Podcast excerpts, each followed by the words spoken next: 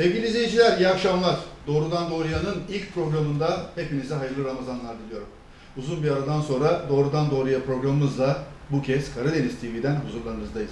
Yine Halkın Yükselişi Partisi lideri Profesör Doktor Yaşar Nuri Öztürk'le yine her hafta gündemi, gündemi değerlendireceğiz. Bundan böyle doğrudan doğruya da konuşulacak. Gündeme geçmeden önce Sayın Hocama söz vermek istiyorum. Ee, bundan sonra doğrudan doğruya konuşulacak olanlar herhalde bugüne kadar konuşulmayanlar olacak hocam. Ee, Eskiden de öyleydi. Doğrudan doğruya tekrar yapmaz. Bir biliyorsun doğrudan doğrudan doğruya ismi üstünde. Bizim daha önce yaptığımız e, bir dizi doğrudan doğruya da haftanın gelişmelerini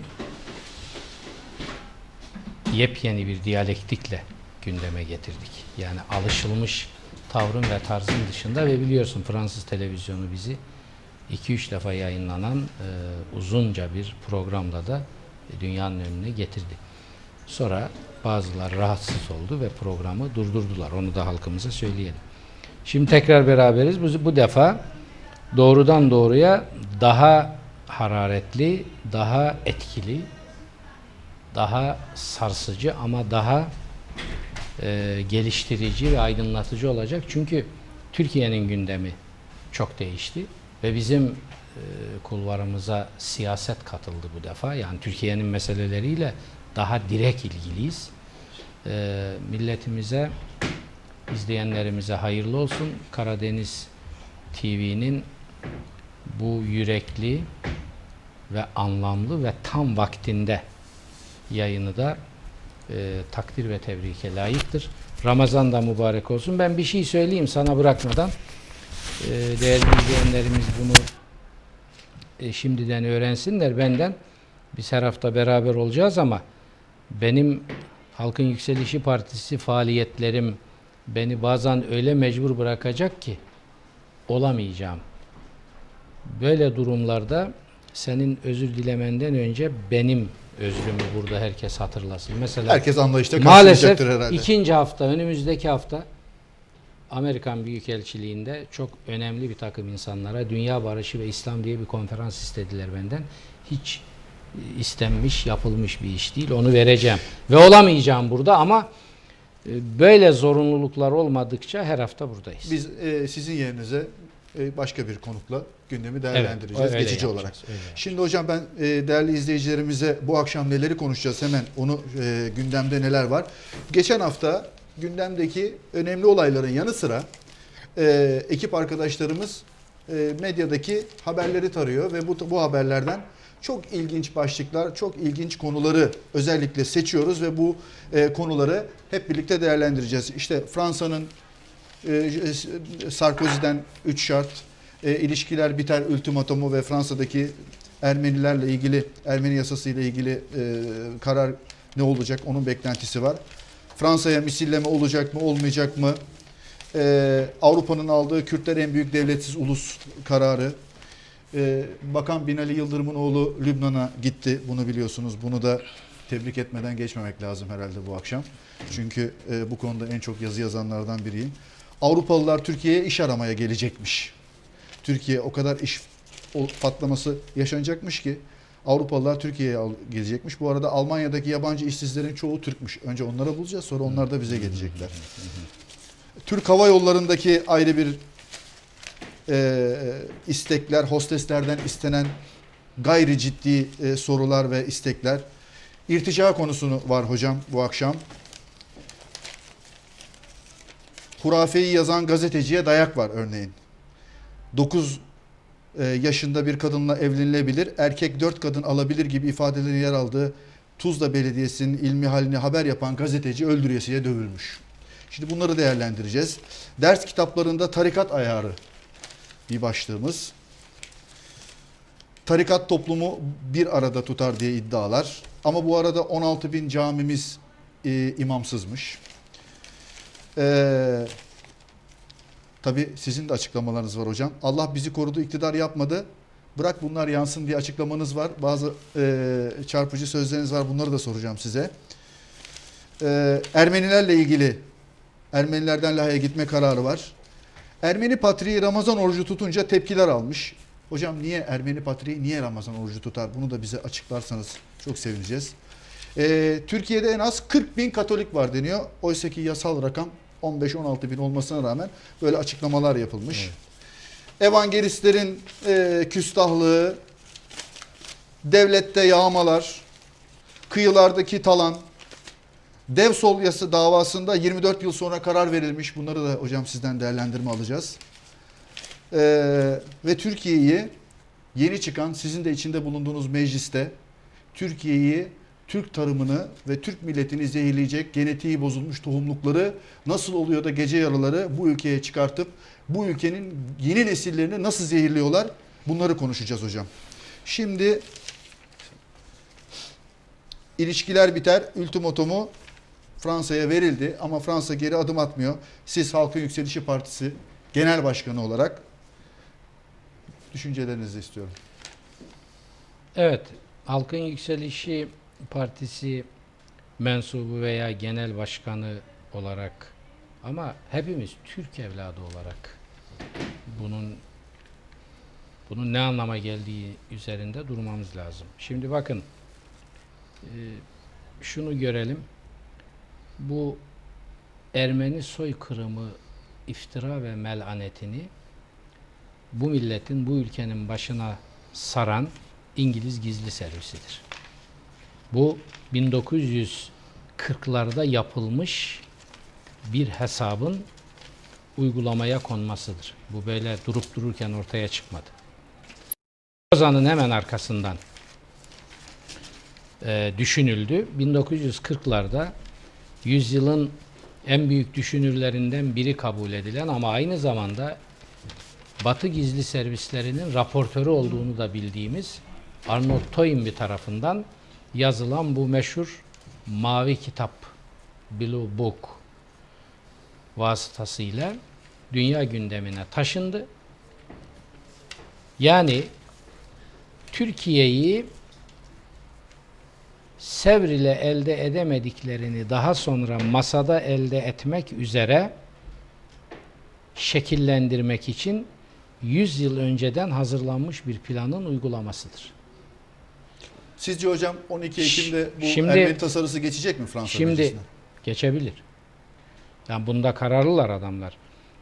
Türkiye'nin ayağına bu çalıyı dolandırdılar. Bundan sonuç almaya uğraşıyorlar. Üç şart var Sarkozy'den. Birincisi komisyona isteyen istediğiyle katılsın tarihçi şartı koşmayın. İkincisi düşünce ve ifade özgürlüğünü kısıtlayın. 301. maddeyi kaldırın diyorlar. Üçüncüsü de Ermenistan'la Türkiye arasındaki sınırın açılmasını sağlayın. Yani adamlar bize her türlü düşmanlığı yapacaklar. Biz de bir dakika. her türlü kolaylığı Bu sağlayacağız. bir bu bir siyaset adamına yakışır mı bu? Şantaj yapıyor adam. Ya üstelik Türkiye'de- Ermeni Ermeni sınırının açılmasını soykırım şantajı ile temin etmeye çalışmak bir onursuzluk değil mi? Yani bu Sarkozy'nin e, müstakbel Fransa Cumhurbaşkanı olduğu konuşuluyor, olacağı konuşuluyor. Şimdi böyle bir adam bunu yapar mı? Bakın bu kadar rasyonalist, bu kadar dengeli, bu kadar tutarlı kabul edilen bu düzeylerde batı kurmayları Türkiye ve Müslümanları budamak, perişan etmek söz konusu olduğu zaman aklın ve vicdanın bütün ilkelerini ayaklar altına alıyorlar. Şimdi şu söylenene bakar mısınız? Ermeni sınırını açın yoksa ne yoksa biz sizi soykırımla itham ederiz ve bunu parlamentomuzdan geçirir. Buna aykırı söz söyleyeni de ülkemizde suçlu ilan ederiz. Biz ülkemizde ama öbür taraftan da 301'i kaldırın diyor. Yani siz kendi ülkenizde kendi ülkeniz aleyhine konuşanı suçlu ilan edemeyeceksiniz. Almanya ve İtalya'da da 301. madde var. Aynen. Almanlar Gayet ve İtalyanlar siz Gayet hakaret tabii, edemezsiniz. Gayet tabii.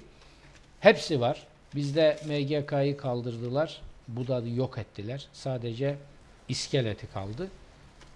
Halbuki MGK'nın işlevini Batı'nın bütün ülkelerinde yerine getiren servisler var devlet bünyesinde. Bize gelende bu antidemokratik kaldırın bunu. Niye antidemokratik? Niye antidemokratik? Asker var. Peki niye asker var orada? Ben burada Halkın Yükseliş Hareketi kit- kitabında bunu daha partiyi kurmadan siyasetlerimizin felsefi dayanaklarını, sosyolojik dayanaklarını bu kitapta verdim.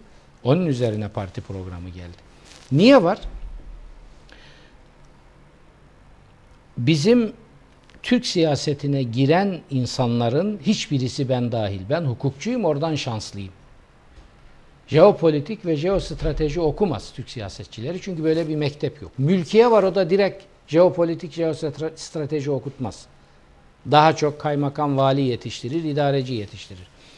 Şimdi Milli Güvenlik Kurulu'nda askerin üstünlüğünü sağlayan apoletleri miydi? Hayır. Neydi? Bu adamların kurmaylık eğitimi almaları. Yani ülkenin geleceğiyle ilgili stratejik değerlendirmeler yapma birikim ve dirayetinin eğitimini görmüşlerdi bunlar. Oradan geliyordu.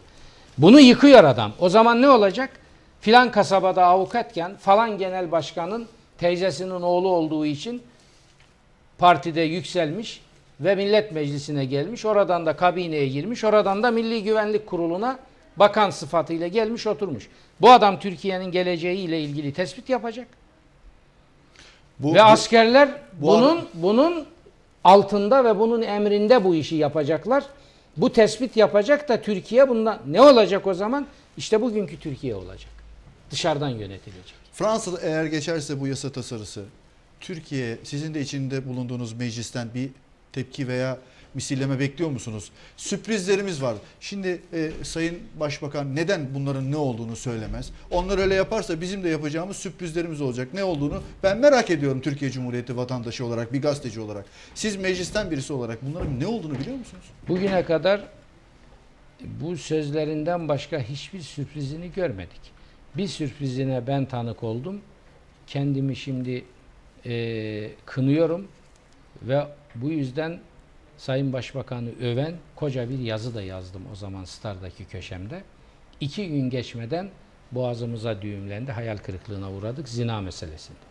Bir dik duruş sergiledi. Biz Müslümanız, Türk milletiyiz. Bütün kutsal metinlerde zina suçtur, bizde de suç olacak. Sizin de birçok ülkenizde bu hala suçtur. Ne demek bize bunu suç olmaktan çıkarın filan. Aa iki gün geçti aradan. Brüksel'e çağırdılar. Bakın dikkat edin. Bunları kaydedin. Kendi gelmiyor buraya adam. Çağırıyor başbakan oraya. Gitti. O zaman bir tane holding basınından bir gazetenin attığı iğrenç bir manşet vardı unutmuyorum. Gitti, çözdü, geldi. Ne biliyor musun? Brüksel'e çağırdılar, fırçaladılar. Daha Türkiye'ye dönmeden bu zina meselesini devreden çıkarın dedi. Bunu gitti, çözdü, geldi yaptılar. Şimdi böyle yapıyor.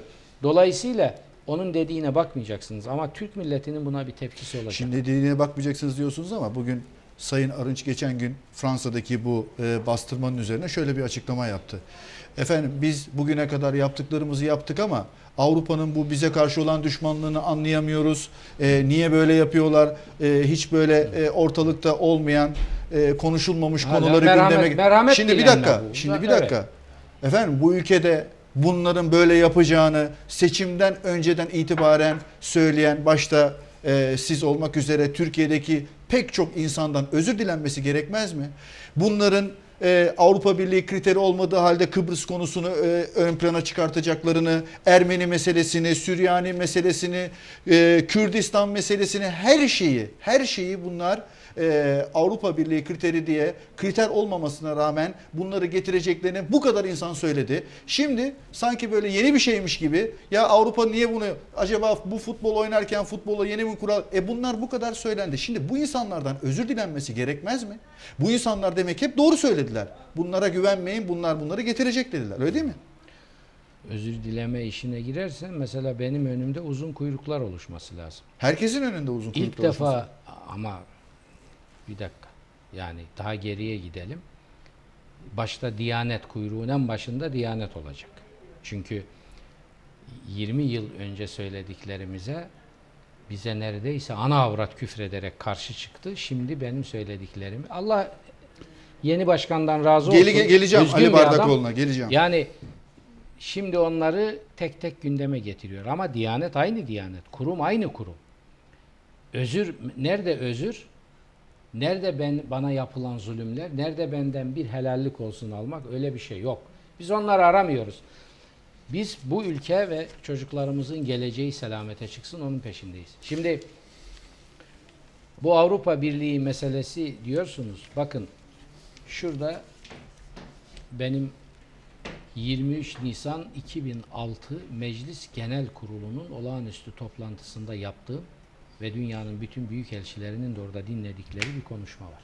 Burada gayet açık meclis kürsüsünden ilk defa Türk parlamentosunda bir partinin Halkın Yükselişi Partisi'nin genel başkanı sıfatıyla ben deklare ettim dünyanın önünde. Bu dünyada olay oldu bu hadise. Bizde holding basını, Bizans basını bunun üstüne yattı. Dedim ki Türkiye derhal Avrupa Birliği'ne ortaklık talebini geri çekecek. Çünkü böyle bir şey Türkiye için söz konusu değil, olmayacak. Biz ne diye istediklerini adamlara verelim. Habire istiyorlar. Ne istiyorlar? Artık şeref ve haysiyetimizi istiyorlar. Vermediğimiz bir şey kalmadı ki. Sen Kıbrıs diyorsun. Ben Alman Büyükelçisine baş başa ikimizin yediği bir yemekte çok eski olmayan bir zamanda dedim ki siz Kopenhag kriterlerinin Kıbrıs Rum şefliğini tam üye olarak almaya izin verdiğine inanıyor musunuz? Sınır meselelerini halletmemiş bir ülke üyelik talebinde bulunamaz Kopenhag kriterlerine göre. Siz bunları aldınız. Dedi ki onu dedi bize niye söylüyorsunuz? Onu o üyelik tescil edilirken masada sizi yönetenler söyleyecekti dedi. O gün masadan kalksaydınız dedi bugün Avrupa Birliği ile ilişkilerinizde dünyadaki kaderiniz de farklı olurdu ama kalkmadınız. Kabul ettiniz. İşte bu. Yani AKP bu iktidar Türk tarihinde bir talihsizlik döneminin sembolü olan bu iktidar. Ana Hiç mi iyi, iyi Ana şey müsaade et hocam? sözümü bir bitireyim. Ana Muhalefet Partisi adıyla arıza endam eden bir Ana Muvafakat Partisi'ni de yanına alarak tencere ve kapak uyumu içinde ne yaptılar?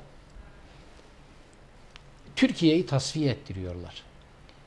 AKP Allah rızası, Allah rızası diye bu milletten oyları aldı. İcraatında Brüksel ve Washington'ın rızasını gözetiyor ve Türkiye'yi perişan etti. Hiç mi yaptığı iyi bir şey yok AKP'nin? Ha? Hiç mi yaptığı iyi Var. bir şey yok? devleti ve kamu varlığını talan ediyorlar. Gayet güzel, sistematik bir biçimde. Cumhuriyet döneminde böyle bir talan hiçbir iktidar tarafından yapılmadı. Özal'daydı rekor, Özal ve ekibinde. Şimdi Özal'a neredeyse rahmet okutacaklar. Yani okuyanlar oluyor ara sıra. Ee, Özal'ı aşamaz kimse diyordu. 301. madde sizce kaldırılacak mı Türkiye'de ne düşünüyorsunuz? E vaat etti. Kaldıracak. Değişir mi kalkar mı? Siz ne görüyorsunuz? Bakın ben şunu görüyorum. Öyle evetli hayırlı sormayın. Eğer bunlar iktidar olmada dayandıkları tek destek ve güvence olan Hristiyan Batı odaklarının talebi ısrarla gündeme getirilir ve yoksa ipinizi çekeriz denirse kaldırır da yok da eder. Şimdi İtalya ve Almanya'nın 301. maddeleri var. Avusturya, Danimarka ve Hollanda'da da benzer yasa maddeleri var. Ben demiyorum gazetede haber. Şimdi durum böyleyken biz kim için kaldırıyoruz? Herkes Türklüğe hakaret etsin diye bu yasayı biz niye kaldırıyoruz? Ben size ondan daha önemli bir şey söyledim. Milli Güvenlik Kurulu'nu yok ettiler. Bakın bu çok önemli. Bunun hep üzerinde ben e, duruyorum. Hep altını çiziyorum. Yani Türk Devleti'nin tasfiyesinde ve Türk ordusunun bin yıllık mehabetinin kırılmasında şu tabirlere bakar mısınız? Bunların altını çizelim. Milli Güvenlik Kurulu'nun bugünkü şekle getirilmesinin yüzde 90 payı var. Ve tabii onlar yapılırken Türkiye bir büyük talihsizlik daha yaşadı. Genelkurmay başkanı olan zatın yarattığı talihsizlik. Türk tarihi böyle bir böyle bir şanssızlık da görmedi. Düşünebilir misiniz siz? Böyle bir iktidar için şiir gibi ahenkli çalışıyoruz diyebildi. Böyle bir iktidarın icraatı döneminde Avrupa Birliği kurmayları, Haçlı kurmaylar e, Atatürk'ün posterlerini oradan buradan indirin dediler. Aradan bir hafta geçmeden Atatürk'ün Kocatepe'deki resminin büröveden bu Genelkurmay Başkanı tarafından çıkarıldığını gördük. Ne bekliyordunuz? Ya böyle bir şey Türk tarihi Artık yaşadı mı? düzeltelim. Bu Genelkurmay Başkanı derken Yaşar Büyükanıt tarafından. Hayır efendim. Yaşar Büyükanıt olur mu? Yaşar Büyükanıt'tan önceki, Önceki. gayet tabii. Onu düzeltelim.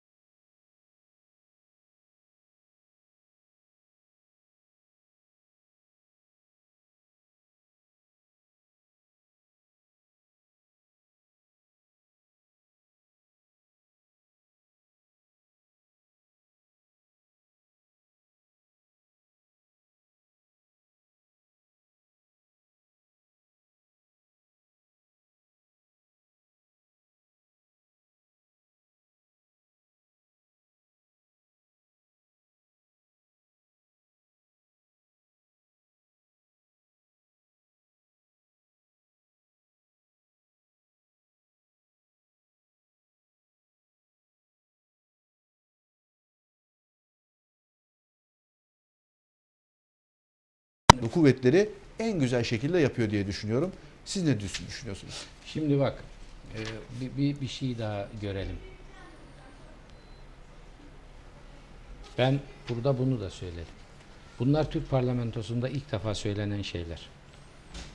Ve bir parlamento üyesi ve bir parlamentoda bir partinin genel başkanı olarak orada dünyaya söyledik. Şimdi bunlar bu kadar hukukçu, hukuk devleti taraftarı, bu kadar demokrasisi taraftarı ise mesela Kopenhag kriterleriyle yüzde 24 oy ve yüzde 67 sandalyeyi nasıl bir, bir, bir arada tutuyorlar? AKP'nin aldığı oy ne? Yüzde 34 kullanılan oylar. Geçerli oyların kaçını aldı? Yüzde 24'ünü. Parlamentoda işgal ettiği sandalye ne kadar? Yüzde 67. Peki ben bunu da mesela Alman Büyükelçisi'ne ve Bremen Eyalet Parlamentosu Başkanı Weber'e sordum. Bu dedim Kopenhag kriterlerine uyuyor mu?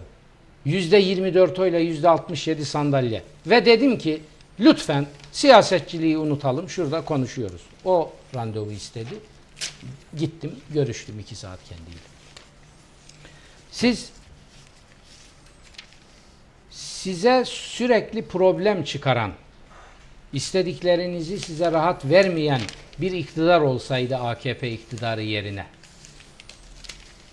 bu yüzde 24 oyla almış, yüzde 70, 67 sandalye almış bu iktidarla siz Kopenhag kriterlerine uygundur diye masaya oturur muydunuz? Problem çıkarırdık dedi. Yani ne olurdu? Derdiniz ki sen kardeşim evvela Avrupa Birliği meselesini bizimle görüşmek üzere Kopenhag kriterlerine uygun bir muhatap iktidar getir bana. Yüzde 24 oyla yüzde 67 sandalyeyi işgal edip Kopenhag kriterlerine uygunluk iddiasıyla benim önüme gelemezsin. Der miydiniz de? Diyebilirdik dedi. Niye demediniz? Alman Dışişleri Eski Bakanı'nın açıklamasında var bunun cevabı. Cumhuriyet tarihi boyunca AKP gibi bizi mutlu eden ikinci bir hükümetle çalışmadık diyor. Bunun tercümesi, de bunun tercümesini etmiştir. bu millet bilmiyor mu? Diğerleri etmedi mi? E, Demirel, Çiller, Şimdi bırak. e, Ecevit mutlu etmedi mi? Bırak şimdi Demirel. Demirel takmış gidiyorsun. Demirel'i millet arıyor. Yani şimdi böyle diye diye Demirel kadar taş düşecek milletin başına. Demirel tabii zaaflar yani onlar Türkiye'yi dışarının güdümüne soktular ama Türkiye'yi dışarıdan yönettirmediler. Demirel dediğin zat yüzde beş enflasyonla yüzde yedi kalkınma gerçekleştirdi bu ülkede.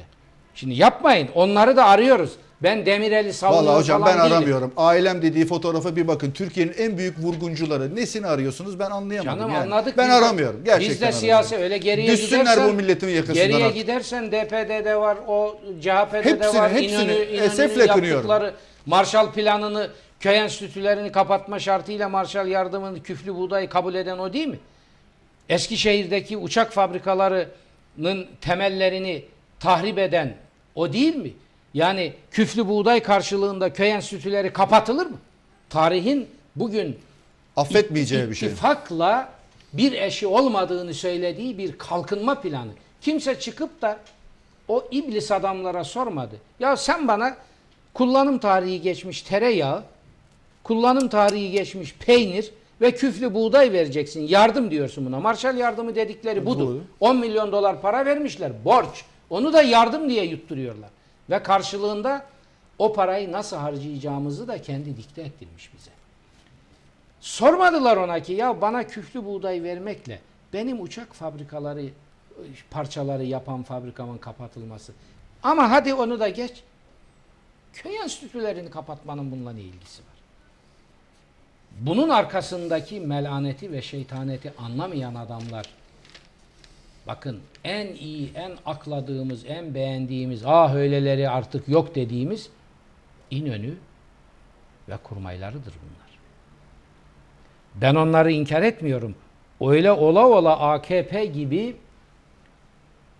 Türkiye ve Türkiye Cumhuriyeti diye bir meselesi bir kaygısı olmayan bir iktidar geldi Türkiye'nin başına oturdu. Şimdi Onların hocam, tabii şimdi ürünü. öyle e, diyorsunuz da Yani AKP'ye acaba biz çok yüklenerek haksızlık mı yapıyoruz diyor. Şimdi ben düşünüyorum biraz geriye doğru SHP dönemini hatırlıyorum. Şimdi isim vermeyeyim ama Bayındırlık Bakanı'ydı. Ee, eğer büyük harf olursa okuyabilirim diyen bir Bayındırlık Bakanı vardı. Önündeki metni okumaktan aciz. Şimdi biz AKP'ye işte e, pek çok şeyle e, suçluyoruz ama ilerici dediğimiz partiler de bu meclise, bu millete okuma yazma bilmeyen insanları bakan diye getirdiler. Yani acaba AKP'ye çok mu yükleniyoruz diye zaman zaman düşünüyorum. Geriye dönüp baktığım zaman. Kimseye falan yüklendiğimiz yok bizim. AKP'ye ne yükleneceksin? Şimdi AKP tencere. Bunun kapağı var mesela bugün. Baykal, Baykal CHP'si. Baykal CHP'si. Ana Muvafakat Partisi.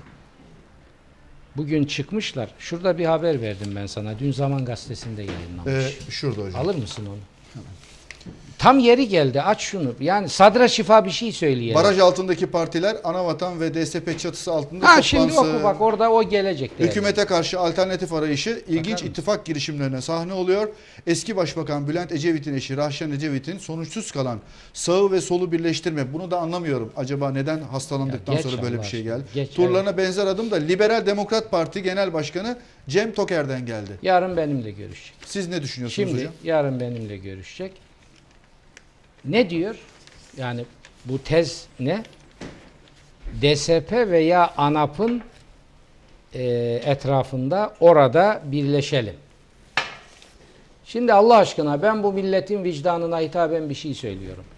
Yarın benimle görüşecek arkadaşa da bunlar aynı zamanda hitabımdır. Kendine de söyleyeceğim.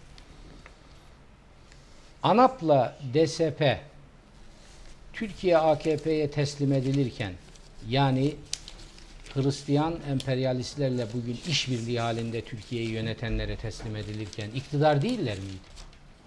3 Kasım'da CHP, DSP ile ANAP iktidarda değil miydi? İktidardayken bu işi kotaramamışlar. Şimdi bu perişan halleriyle barajın diplerinden ses verecekler ve onların etrafında toplanacak diğer partiler de böylece Türkiye'yi Türkiye'den yönetmenin reçetesini milletin önüne koyacaklar ve bunu icraata geçirecekler. Böyle bir şey akıl ve vicdan kabul edebilir mi? Şimdi ben buradan bir teklif yapayım. Yarın biz gelecek değerli genel başkanla bunu konuşacağız. Ama onu millet duyamayacak veya geç duyacak. Şimdi ben buradan söyleyeyim. Biz bir defa Halkın Yükselişi Partisi, Çınar'ın partisi olarak ilk bir şey söyledik. Rahşan Hanım bu işlere soyunurken. Biz hiçbir partiyle seçim ittifakı falan yapmayız. Bunu aynen tekrar ediyorum. Şu olur. 3 Kasım'dan beri Türk siyasetinde Halkın Yükselişi Partisi'nin dışında bir yeni var mı? ANAP. ANAP iktidardı 3 Kasım'da. DSP iktidardı. MHP iktidardı. Şimdi iktidarda bunu yapamamışsın da barajın dibinden nasıl yapacaksın bunu? Böyle bu, aklın apaçıklık ilkesine aykırı. Milletle dalga mı geçiyor bunlar? Allah Şimdi, bizi müsaade buyur. Onu ona da geleceğiz. Şimdi bir tane yeni var Türk siyasetinde. Halkın Yükselişi Partisi. Seçime hazır. 520 birimde teşkilatlanmış. İMC usulü, IMF ile değil, İMC ile siyaseti yaptı ve bunu nasıl yaptığını da tarihin önünde gösterdi. Bak 9,5 ayda seçime girecek hale geldi bu parti teşkilatlarını kurup. Şimdi ben diyorum ki oyları bölmeyelim. Çınar'ın etrafında toplanalım o manada ve eğer bir ittifak yapılacaksa ben buradan benimle görüşeceklere de görüşme düşünenlere de düşünmeyenlere de söylüyorum. O zaman yeni olanın altında iktidar olduğu halde bu işi yapamayanlarla tekrar böyle bir saçmalık olmaz. Yeni yepyeni dirayetli genetiği yepyeni kimsenin devamı olmayan bir parti var. Başında da ben varım. Beni yetersiz gören varsa buyursun mertçe erkekçe söylesin. Desin ki sen şu eksiklerin var. Sen ne anlarsın ya falan bu işten. Sen neyi bilirsin? Dini mi bilirsin, hukuku mu bilirsin, Orta Doğu'yu mu, dünyayı mı, felsefeyi mi? Neyi bilirsin sen? Desin konuşalım. Ne yazdın, ne ettin bugüne kadar? Ne verdin bu ülkeye? Desin konuşalım. Nasıl yapmışız el attığımız işleri? Üniversite hayatımızdan, hukuk hayatımızdan buraya kadar. Diyemez. O zaman Halkın Yükselişi Partisi'nin çınarı etrafında birleşeceksek bu olur. O zaman rüzgar Türk milletinin istediğini yaratmaya muktedir halde yürür. Aksi olacaksa biz hiç kimseyle ittifak müttifak etmeyiz. Kendi başımıza seçime gireceğiz. Allah bizi korudu, iktidar yapmadı. Buyur, o da Bırak bir bunlar tanesi. yansın diye e, bir röportajınız var. Bunu e, biraz açar mısınız izleyicilerimize Şimdi en azından bu röportajdan? Bir defa bu röportajla ilgili bir ekranda da söyledim, burada da söyleyeyim. Bu hangi gazeteden bu? E, sanıyorum referans. Referans mı? Referans mı? Bir saniye. Ama Onun- yazmamışsın. Hayır burada çok yakışıklı bir resmin çıkmış da onu isteyeceğim. Alalım oradan o resmi. Çok güzel. Hep öyle çıkmaz yani çok güzel çıkmış. CHP'nin 301 tavrı şaşırttı. Gözlerime inanamadım. Kim diyor onu? Ömer Sabancı Ha, diyor. işte, buyur. Evet. Şimdi CHP'nin o tavrını desteklerim. Ben CHP'nin felsefesinden istifa etmedim Vedat'cığım. Bunu bir defa koyalım. Şimdi o röportaj referansta e, Nuray Başaran Hanım'ın röportajı. Onu sevgiyle buradan anıyorum. Çok ciddidir. Söylemediğim hiçbir şeyi yazmadı. Takdirle ve tebrikle buradan anıyorum. Ama röportajı beşte birini yayınlayarak ve yalnız CHP ve Deniz Baykal'la ilgili biraz da sohbet ve espri mahiyetinde söylediklerimi alıp röportajı CHP ve Deniz Baykal'a bindirme röportajına dönüştür, dönüştürdü. Hiç böyle bir şey yok. O röportaj çok geniştir. Yani yayınlananın 5-6 katıdır.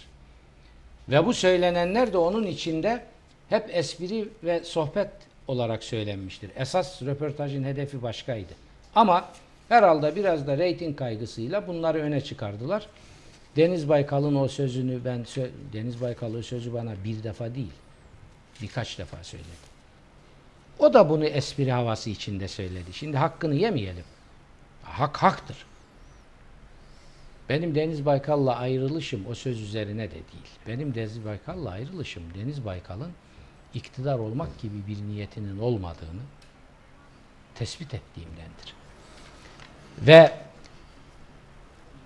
ben bunları da söylemezdim. Ben CHP'lilerin Yaşar Nuri'yi biz seçim taktiği olarak aldık. Seçim bitti, bu işte bitti. Gayet tabii partiden gitmesi gerekiyordu diye deklarasyonları var kurmaylarının. Bunu bunu dedim. Partinin fikri mi benimsiyor musunuz yoksa red mi ediyorsunuz? Ya tekzip edin. Tekzip etmezseniz bundan sonra konuşma üslubumu değiştireceğim. Defalarca söyledim Mehmet Sevigen daha birkaç kişi bana iki gün içinde bunu biz tekzip edeceğiz. Bu par- partinin fikrini ifade etmiyor. Çünkü bu sade Yaşar Nuriye değil ona oy vermiş yüz binlerce insana da bir hakarettir. Seçim taktiği olarak aldık. Şuna bakar mı? Bu bir ahlaksızlık. Bana bir televizyon geçen gün sordu. Efendim haklısınız. Sizin söylediğiniz sözlerin yalan olmadığını bu ülkede ittifakla herkes kabul ediyor. Siz böyle bir şey yapmazsınız. Ama bu etik mi? Söylemeseniz olmaz mıydı? Bir dakika dedim o zaman. Bir üniversitede 10. yıl dekanlık yapan, yazdığı her şey dünyanın birkaç diline anında tercüme edilen, devrim fikirlerin öncülüğünü yapmış bir adamı İstanbul'da oturduğu yerden, çalıştığı yerden alıp Türkiye'ye hizmet için rahatınızı bozmanız lazım. Size ihtiyacı var ülkenin. Şu şu şu şu şu sebepten diye Ankara'ya getirip sonra da onu orada ya keyif yapalım. Biraz acele etmeyelim. Siyaseti şimdi başkaları yapsın. Bana aynen böyle söyledi Deniz Bey.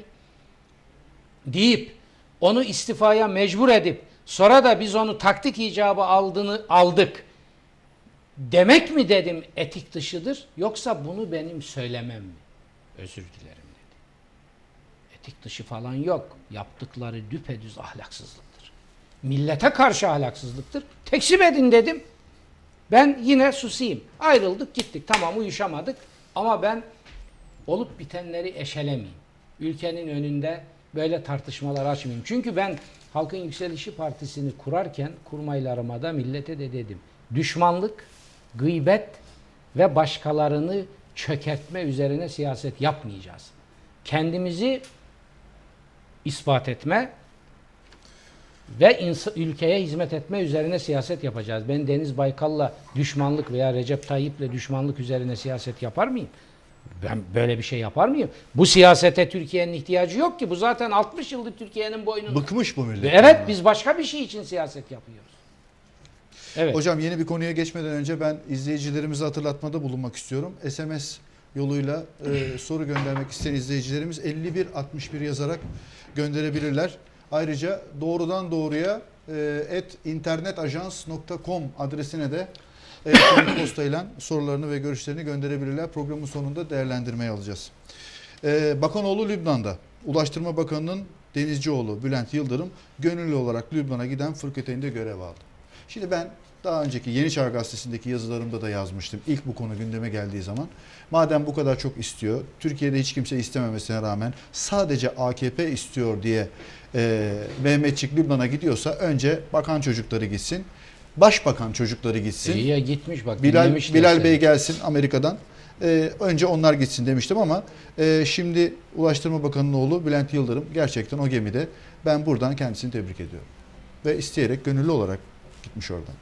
Yani e, böyle bir şeyi de e, Şimdi, borç biliyorum. böyle Şey. Vedat'cığım. Tebrik ederim Yap sağ ol. Yalnız bu şimdi bir genel magazin var. Biz ona hiç girmedik. Hiç girmeyeceğiz. Siyasetin de bir magazin kısmı var.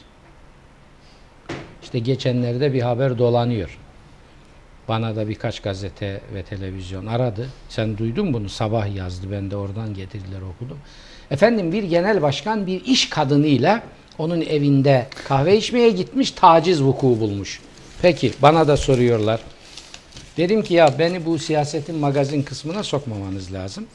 Efendim ama bütün genel başkanlar töhmet altında. Kim? Dedim ki ya nerede olmuş bu iş? Şimdi ben gazeteciyim de aynı zamanda 35 yıllık. Efendim bir parti yemeğe verilmiş Ankara'da.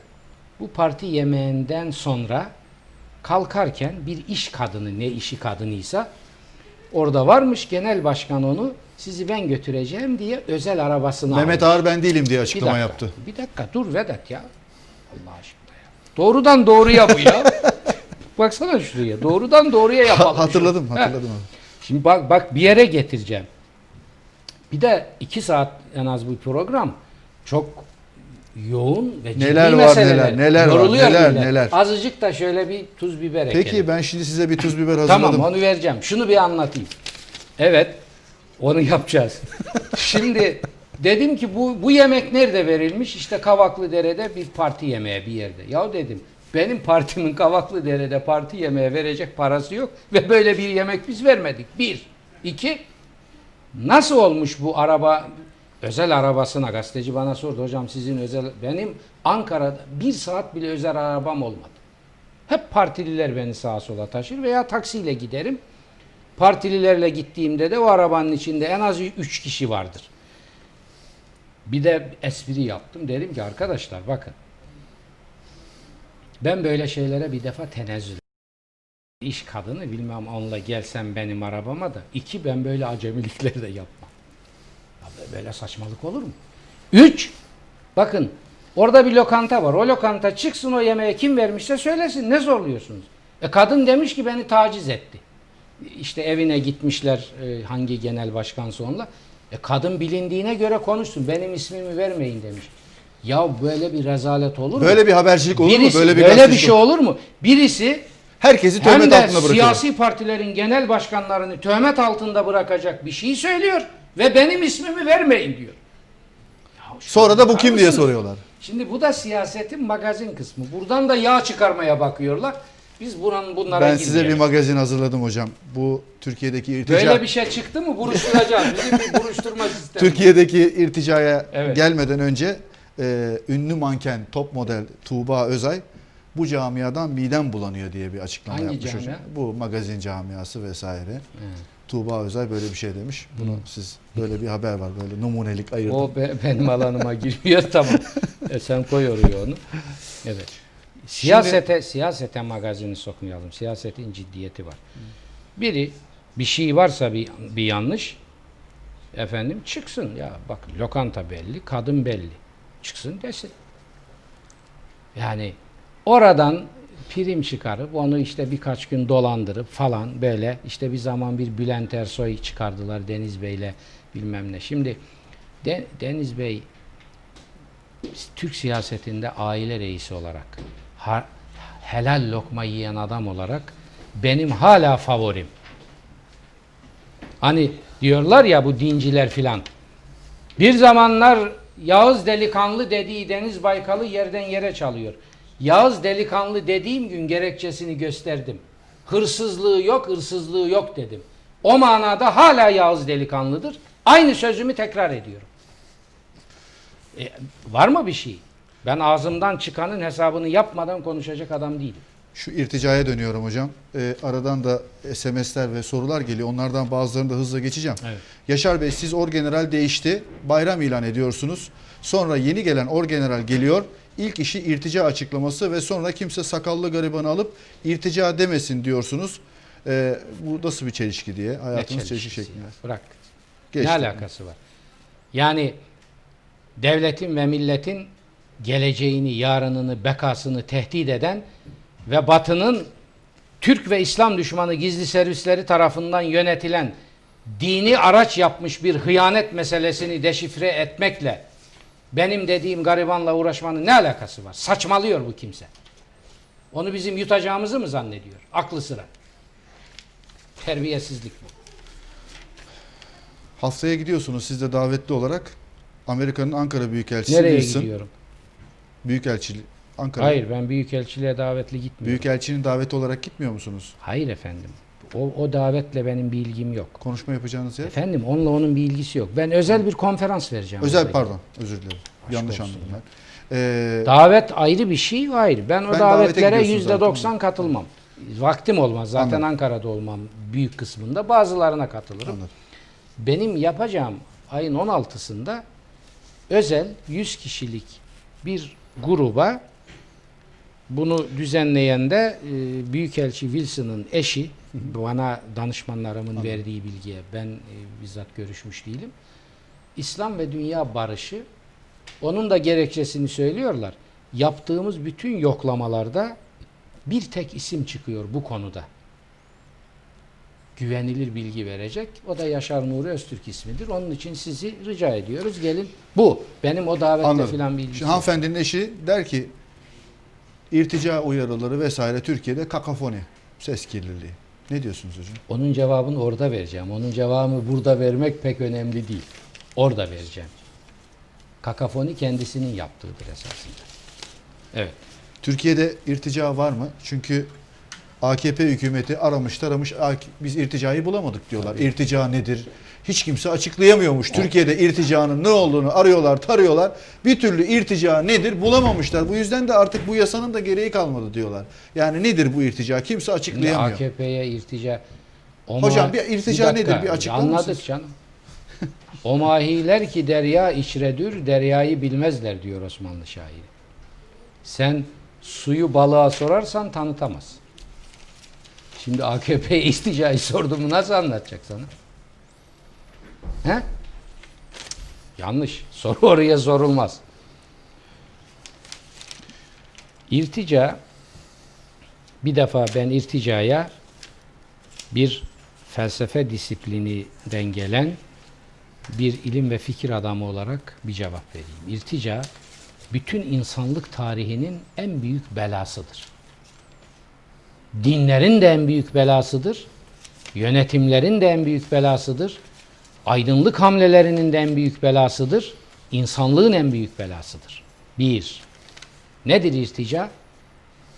insanlığı geriye götürmek ve hayata geri adım attırmaktır. Hayatla savaştır ya, hayatla ve Allah'la savaştır esasında. İrtica Allah'la savaşır. Çünkü kutsal metinler ben Kur'an'daki şekliyle veriyorum hepsinde var. Cenab-ı Hakk'ı tanıtırken her an yeni bir iş ve oluştadır diyor.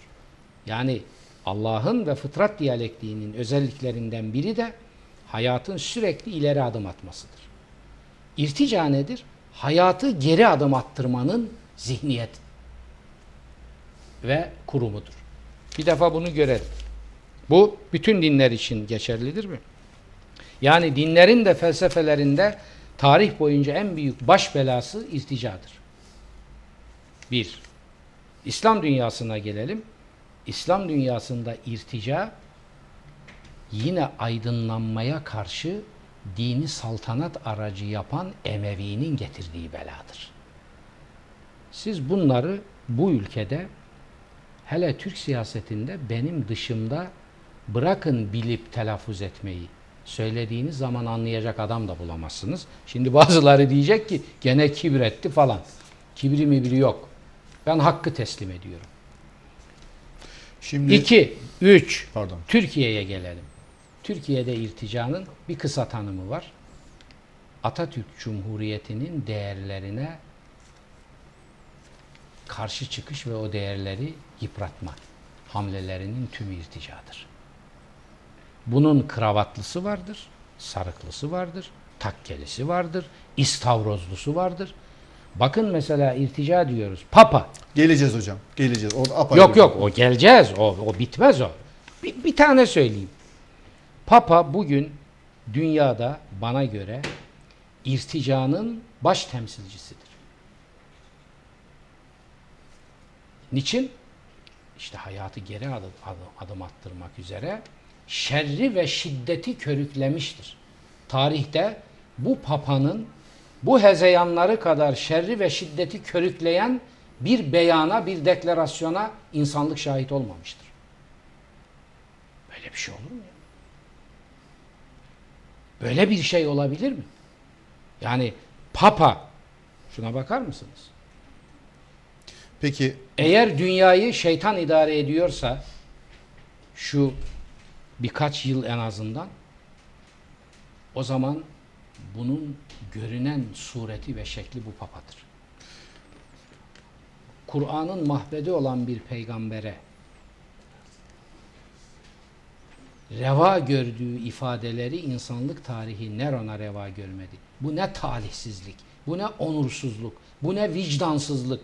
Bu adamın yüzünde ilahi nurdan eser var mıdır? Söyleyebilir misiniz bana? Şimdi hiç sıkılmadan da gelip 120 bin camide insanların secde ettiği bir coğrafyayı şey yapacak. Ziyaret edecek. Geleceğiz hocam ama bu irtica tartışmaları devam ederken çok ilginç haberler var. Milli Eğitim İlk Öğretim 8. sınıfta okutulan din dersi kitabının son baskısında tarikat tanımını değiştirmiş. İlk defa bir Cumhuriyet tarihinde olan bir şey. Aynı kitabın bir önceki baskısıyla yenisi arasında büyük zıtlıklar var. Türkiye'deki tarikat nedir, ne değildir? Bir reklam aramız var. Ondan sonra isterseniz bu sorulara yanıt bulalım. Şimdi neyse. Reklamdan sonra. Reklamdan Sevgili sonra. izleyiciler bir kısa bir reklam aramız var. Ardından Beşer Nuri Öztürk bu sorulara cevap verecek.